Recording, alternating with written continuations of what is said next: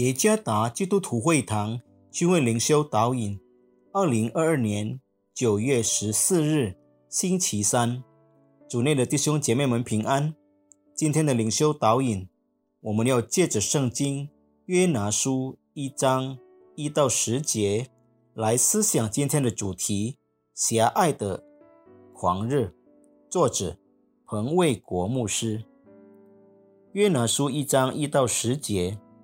耶和华的话临到亚米泰的儿子约拿说：“你起来往尼尼微大城去，向其中的居民呼喊，因为他们的恶达到我面前。”约拿却起来逃往他斯去躲避耶和华，下到约帕，遇见一只船要往他斯去，他就给了船价。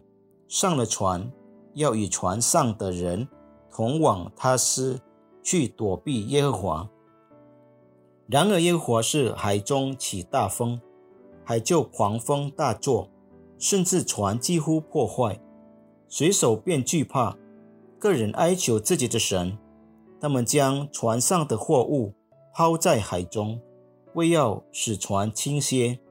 约拿已下到地舱，他。躺卧沉睡，船主到他那里对他说：“你这沉睡的人呐，为何这样呢？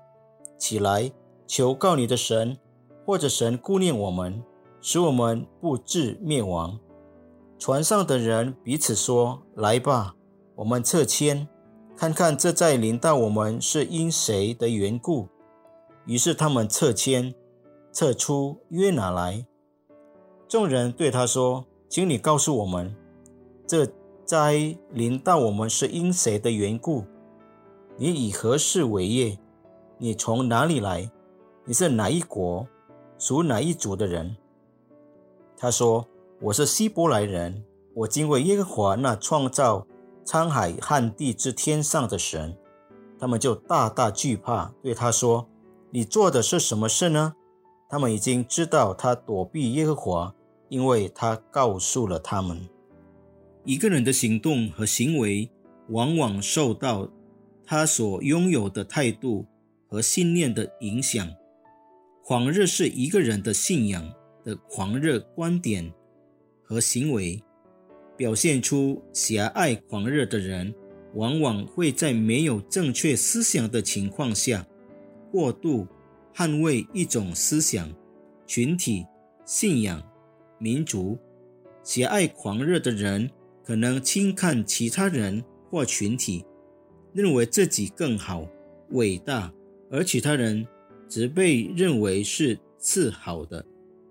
今天的经文是关于不服从上帝的使者约拿，他成为尼尼微传教的使者，以便他们从他们的罪行悔改。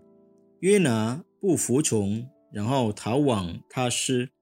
许多学者试图了解上帝的使者约拿不顺服的原因。他们中的一些人假设是因为约拿不清楚神的话语，但这并没有得到证实。因为当船长问约拿时，约拿做出了非常明确的坦白：“我是希伯来人，我敬畏耶和华天上的神。”他创造了海洋和大地，他非常清楚自己的身份和使命。所以是什么问题？问题的根源是狭隘的狂热态度，因为他认为自己的国家更好、更正确。与此同时，像尼尼维人这样的其他人是邪恶的人，甚至是非常坏的人。这个现实就像两枚硬币，即认为自己的民族更好的狂热态度。另一方面，尼尼微人实际上是邪恶的，所以约拿采取了不顺服的态度。如果我们了解了他的背景，就可以理解约拿执行他的使命是多么的艰难和挣扎。虽然现实上可以理解。